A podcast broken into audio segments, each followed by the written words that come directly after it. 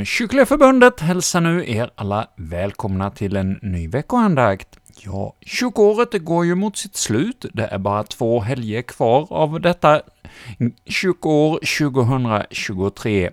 Och till vår hjälp för vår andakt inför den kommande helgen kommer vi att ha Sveinung Eriksen. Och vi ska nu få inleda denna andaktsstund med en vers på salmen 315, En härdag i höjden. Det är kören Logos som sjunger för oss.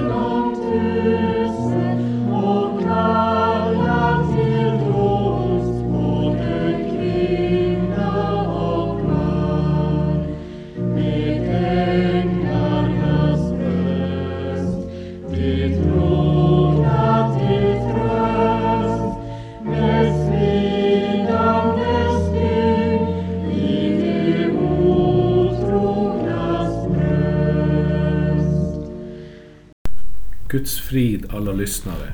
Mitt namn är Sveinung Eriksen och jag tjänstgör i Mariakyrkan i Uddevalla och i gemenskapen för gudstjänstfirande i Kungälv. Idag ska andakten vara över söndagen före domsöndagens evangelietext. Men innan vi läser texten, låt oss bedja. Herre vår Gud, du som kallar oss till ditt rike. Hjälp oss att inte somna i synden utan alltid vaka och bedja så att vi får gå in i den eviga bröllopsglädjen genom din son Jesus Kristus. Amen. Upplyft era hjärtan till Gud och hör dagens heliga evangelium. Så skriver evangelisten Lukas i det tolfte kapitlet från vers 2 till 9 och vers 32. Jesus sade Jesus sade det finns inget dolt som inte ska uppenbaras och inget gömt som inte ska bli känt. Därför skall allt som ni sagt i mörkret höras i ljuset och det som ni viskat i örat i enrum ska ropas ut på taken. Till er, mina vänner, säger jag, var inte rädd för dem som dödar kroppen och sedan inte kan göra mer. Jag ska visa er vem ni ska frukta. Frukta honom som har makt att döda och sedan kasta i Gehenna. Ja, jag säger er, honom skall ni frukta. Säljs inte fem sparvar för två kopparmynt, och inte en enda av dem är glömt inför Gud. Ja, till och med alla hårstrån på ert huvud är räknade. Var inte rädda. Ni är mer värda än många sparvar. Jag säger er, den som bekänner mig inför människorna ska också Människosonen bekänna inför Guds änglar. Men den som förnekar mig inför människorna ska bli förnekad inför Guds änglar. Var inte rädd, du lilla jord, för er far har beslutat att ge er riket. Så lyder Herrens ord. Gud, vi tackar dig. Vi närmar oss nu slutet på kyrkoåret där vi ser fram emot domedagen. Och denna dag kan inge fruktan och bävan, därför att den eviga skiljelinjen mellan frälst och förtappad dras där på ett slutgiltigt sätt. Men för en kristen ska denna dag huvudsakligen vara förbunden med glädje och jubel. För det är ju då vi som har vårt medborgarskap i himlen väntar vår Herre Jesus Kristus som frälsare. Han som ska förvandla vår bräckliga kropp så att den blir lik den kropp han har i sin härlighet. I dagens evangelium talar Herren om denna dag med båda dessa aspekter. Han både varnar och tröstar sina vänner. Han varnar för fariseernas hyckleri, som är som en surdeg som jäser och till slut har genomsyrat hela degen. Sen tröstar han med Guds kärlek och allmakt allt för att vi som är döpta och tror på honom ska undslippa hyckleriet och människofruktan. För människofruktan och hyckleri tränger undan gudsfruktan, som på sin sida tränger undan människofruktan och hyckleriet. Vi ska höra om denna text under tre delar. Först om Jesu varning för hyckleriet. För att förstå vad början av vår text så måste vi ta med vers 1. För där står det att då började Jesus tala först och främst till sina lärjungar. Ta er i akt för fariseernas surdeg, hyckleriet. Det som är dolt och som ska uppenbaras och så vidare, det är alltså hyckleriet. Och som så ofta så varnar Jesus idag särskilt för fariseernas hyckleri. Till exempel om hur de kom överens om att röja Jesus ur vägen. Hur de rådslog med varandra i hemlighet och diskuterade med sig själva för att hitta något att snärja Jesus med. Ja, hela upptakten till Jesu korsfästelse är ju inget annat än en lång rad av hycklerska försök på att till varje pris få Jesus dömt. Fariseerna hade inget att döma Jesus för. Därför behövde de falska vittnen som de tolkar i värsta mening och vägrade ge Jesus en rättvis rättegång. Och deras försök att snärja Jesus, det var ju sådana omöjliga gåtor som inte ens de själva hade svaret på. Som förde till dom oavsett vad man svarade. Därför blev de så förvånade när Jesus faktiskt lyckades svara gott. Men hyckleri, det är inget som är begränsat till fariseerna, utan det finns till alla tider. Efter syndafallet ligger det i människans natur, som gör, om att, gör att om man hittar den minsta sak eller felsteg som man kan förstora och svart, svartmåla sin fiende med, så träder man glatt upp. Men om ens motståndare gör något gott, så förbigås det i tystnad. Det kan handla om att i det tysta vinkla allt så att den sidan man sympatiserar med framställs fördelaktigt. Så som vi till exempel ser i politiken och i media. För som sagt, hyckleri finns alla platser där människor finns. Även vi som är kristna kan hamna i ett hycklande beteende. Vi kan bedöma människor utifrån olika kriterier. Så att våra fiender inte behöver falla djupt innan fördömande tankar dyker upp. Att jag visste att han inte var bättre. Medan de vi ser upp till och försöker hjälpa fram till en framträdande position. För deras fel och brister är vi blinda. Och vi kan ursäkta våra vänners grova övertramp på ett sätt som vi aldrig vill ha gjort med våra fiender. Men så skall det inte vara, säger Jesus. Älska era fiender och gör gott mot dem som hatar er. I tillägg uppmanar han oss idag att särskilt ta oss i akt för hyckleriet. Men detta betyder inte att vi vägras hysa förtroende för någon eller att försöka lyfta fram några till viktiga positioner i samhället. Utan problemet är när vi mäter varandra med olika mått. Då är det hyckleri. För falska mått är hyckleri. Och detta är farligt. Inte bara för att de hycklande planer vi smider i det dolda ska bli känd.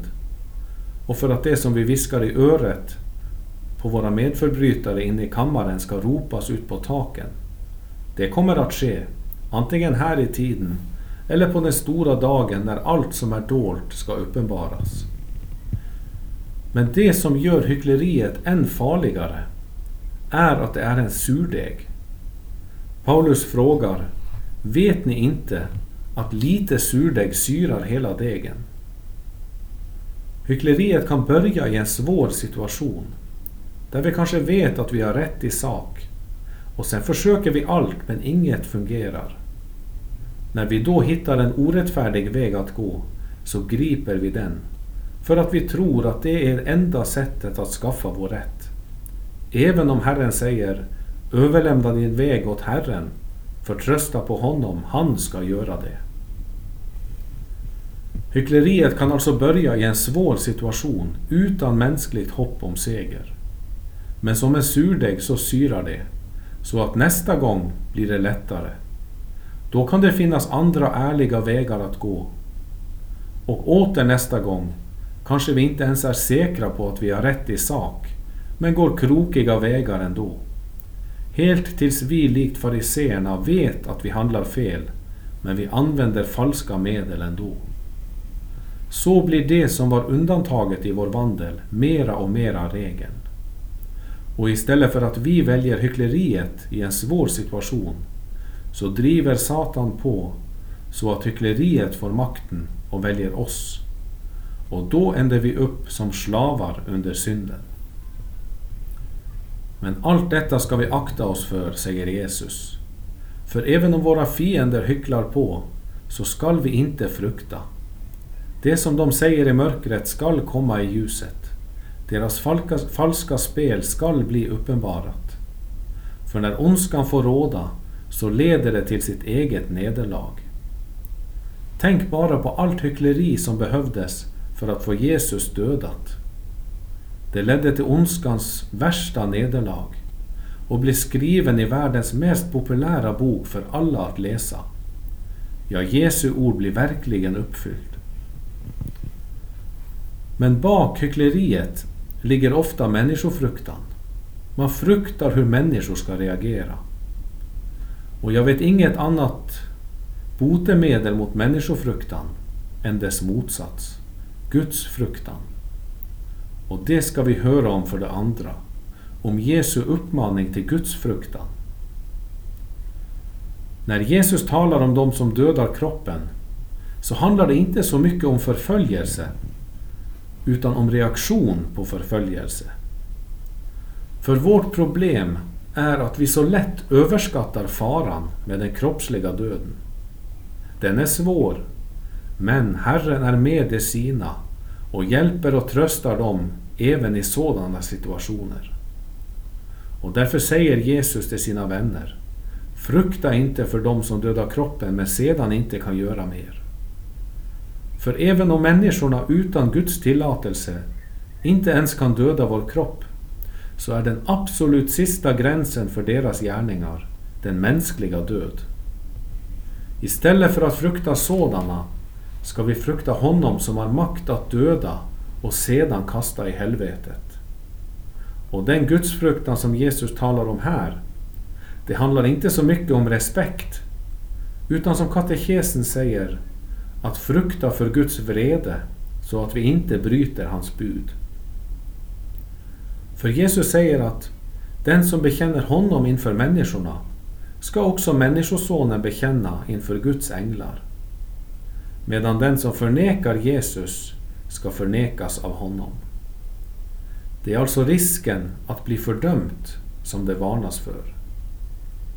Poängen är att botemedlet mot att frukta människor som enbart kan döda kroppen är att frukta honom som även kan kasta i en evig pina i helvetet. Om du därför är i färd med att börja hyckla på grund av människofruktan och inte hittar något som kan ta denna fruktan bort och ge dig tröst, så säger Jesus Frukta då för att hamna under Guds helige vrede, så att du för evigt ska pinas i helvetet. Då får du se detta som kan ta bort människofruktan, nämligen en större fruktan för den helige Gud. Om vi därför på domedagen vill stå som Människosonens bekännare, som bekänner honom som är Gud och blev människa för att rädda oss från den eviga elden. Om då manipulerande och skräckingjutande människor hotar och lockar oss att följa dem, så ska vi inse att deras värsta gärning emot oss inte ens kan jämföras emot den helige fruktingjutande Gud. Och när vi tänker på hur djävulen och hans änglar ska pinas i all evighet och att Herren själv varnar för den samma lott för alla de som följer människor istället för honom. Ja, då ska vi frukta, då ska vi bäva för att göra emot hans vilja. För hyckleriet är inte enbart det att smida onda planer i mörkret, i hemlighet. Utan hyckleriet är även det att inte våga ge en klar bekännelse av fruktan för människor. Det har lett många i den gamla kyrkan till att bränna rökelse inför kejsaren och offra till honom. Men allt skall uppenbaras, antingen här i tiden eller på domens dag. Och en bekännelse till Människosonens namn kommer genom livet att kosta något. Ja, i vissa fall själva livet. Och det farliga är att självbedrägeriet kan göra oss blinda för vårt eget hyckleri. För som profeten Jeremia säger, bedrägligare än allt annat är hjärtat. Det är obotligt sjuk, vem kan förstå det? Vi kan därför hyckla utan att veta om det. Och så som surdegen kan ta överhand, så syrar den också mer och mer när vi förnekar Herren inför de människor som vi fruktar. Och även här blir det lättare och lättare, så att det som först kanske var sista utvägen av fruktan för livet, snart blir första valet. Och när vi tänker efter har vi nog alla ett och annat att erkänna på denna punkt. För vi har hycklat och vi har svikit. Jesus visar oss idag att vårt agerande här i tiden får eviga följder. Men det finns möjlighet för förlåtelse, även om vi har talat ett ord mot Människosonen i hyckleri. Och det är därför som vår katekes inte bara säger att vi ska frukta, men att vi ska frukta och älska Gud. Och för att uppmuntra oss att lägga av allt som tynger och med hopp och glädje kunna se fram emot att det som ska uppenbaras på den sista dagen också ska stå som förlåtet inför Guds nådastol. För, för att hjälpa oss till detta ska vi till sist höra Jesu trösteord som upptänder kärleken så att vi kan både frukta och älska Gud. Jesus vet att de klentrogna behöver starkare medel för att den sanna förtröstan till Gud ska upptändas i dem. Och av denna anledning förklarar Jesus hur det förhåller sig med sparvarna. Dessa som fångas enbart för att vara föda för människor och som såldes till det lägsta priset eftersom det fanns så mycket av dem att de räknades som obetydliga. Om dessa minst värderade fåglar säger Jesus att inte en enda av dem är bortglömd hos Gud.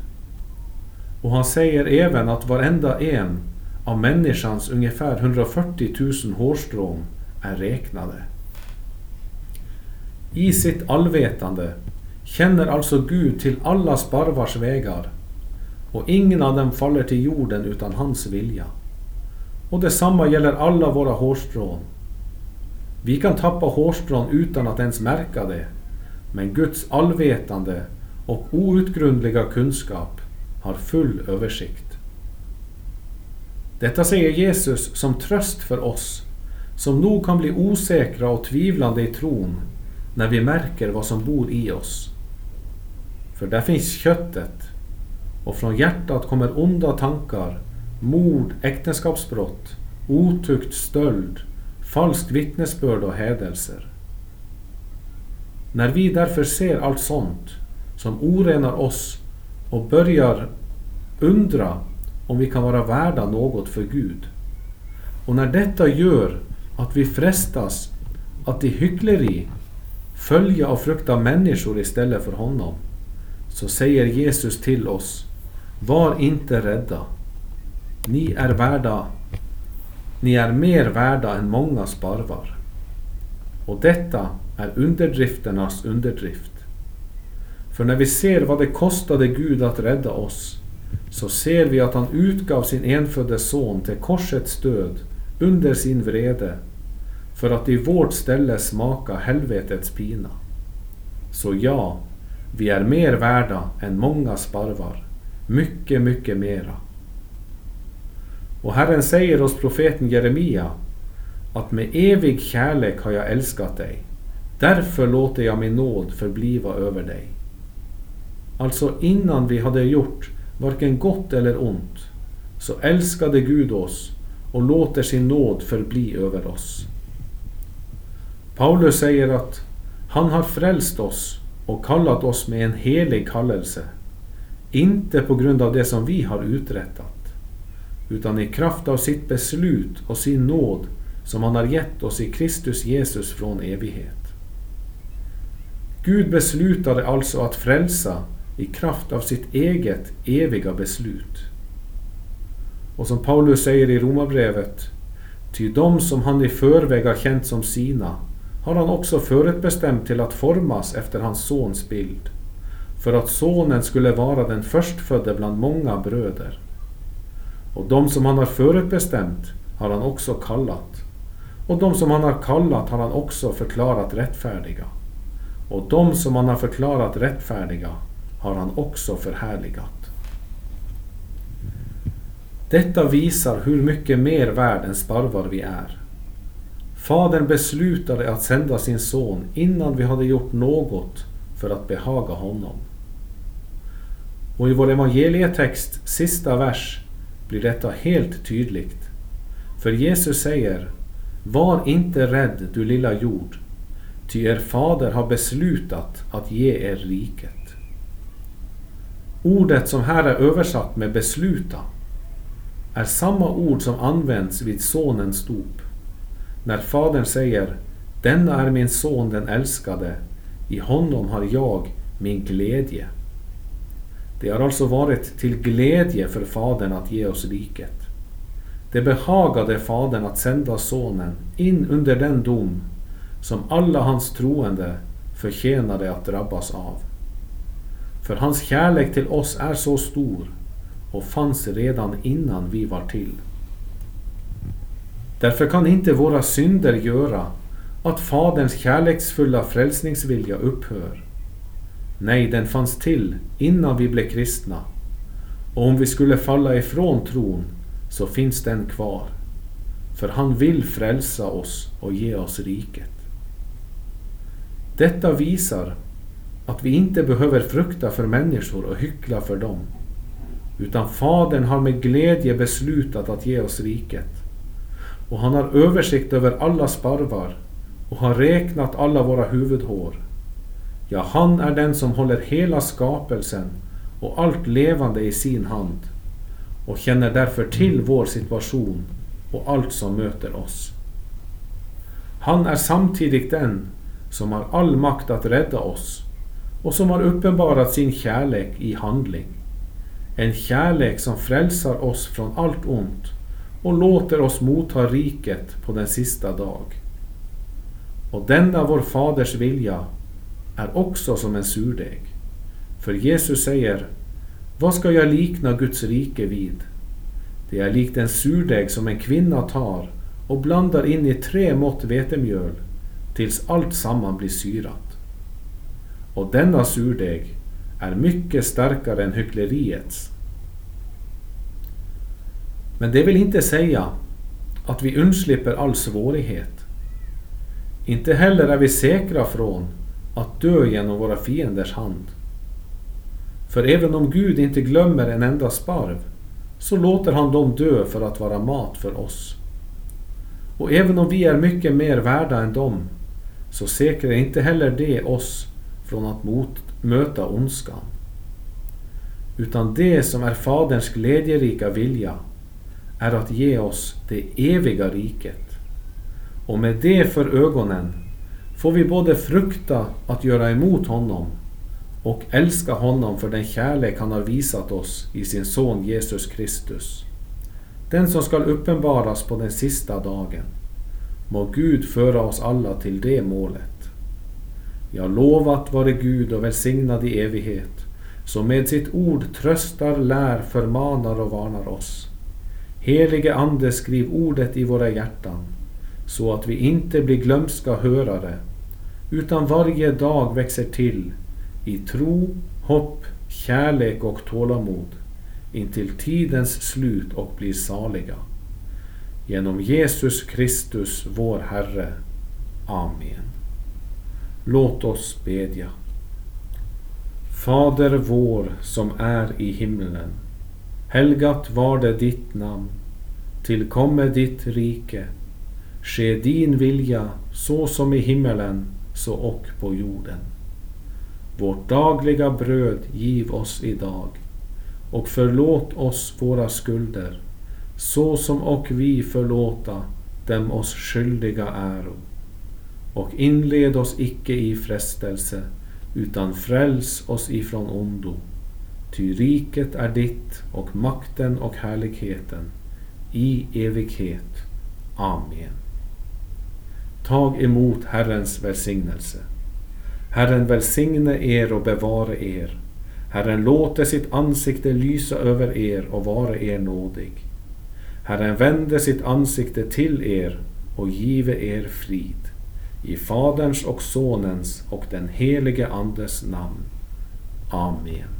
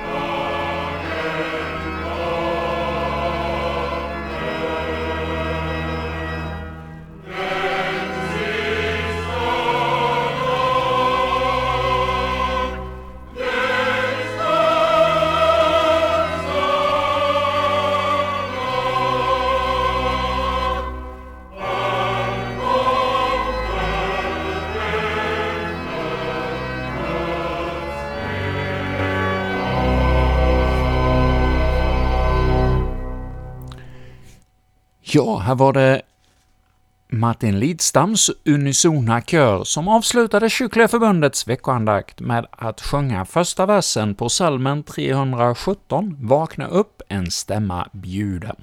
Ja, vi har all anledning att vakna upp. Vi är ju på väg in nu i kyrkårets slut här 2023. Och i vår andakt idag fick vi höra Sveining Eriksen tala till oss utifrån eh, evangelietexten på söndagen före domsöndagen. Ja, här talade Sveining en hel del om det här med hyckleri och att eh, hålla sig ren och eh, äkta. Och ja, det är ju lätt att falla i eh, frestelser och eh, gå hycklandets väg, som eh, Sveinung så välformulerat förmedlade till oss om denna gång här i vår veckoandakt. Och vi från Kyrkliga Förbundet säger då välkommen till en ny veckoandakt om en vecka. Inför domsöndagen så kommer vi att få höra en eh, predikan av Magnus Skredsvik, som då talar till oss alltså nästa veckas program. Och med detta så säger vi från Kyrkliga Förbundet och jag som heter Erik Olsson, Tack för denna vecka och önskar er alla Guds rika välsignelse och en god fortsättning på den, slutet av denna vecka och helgen som nu ligger framför oss.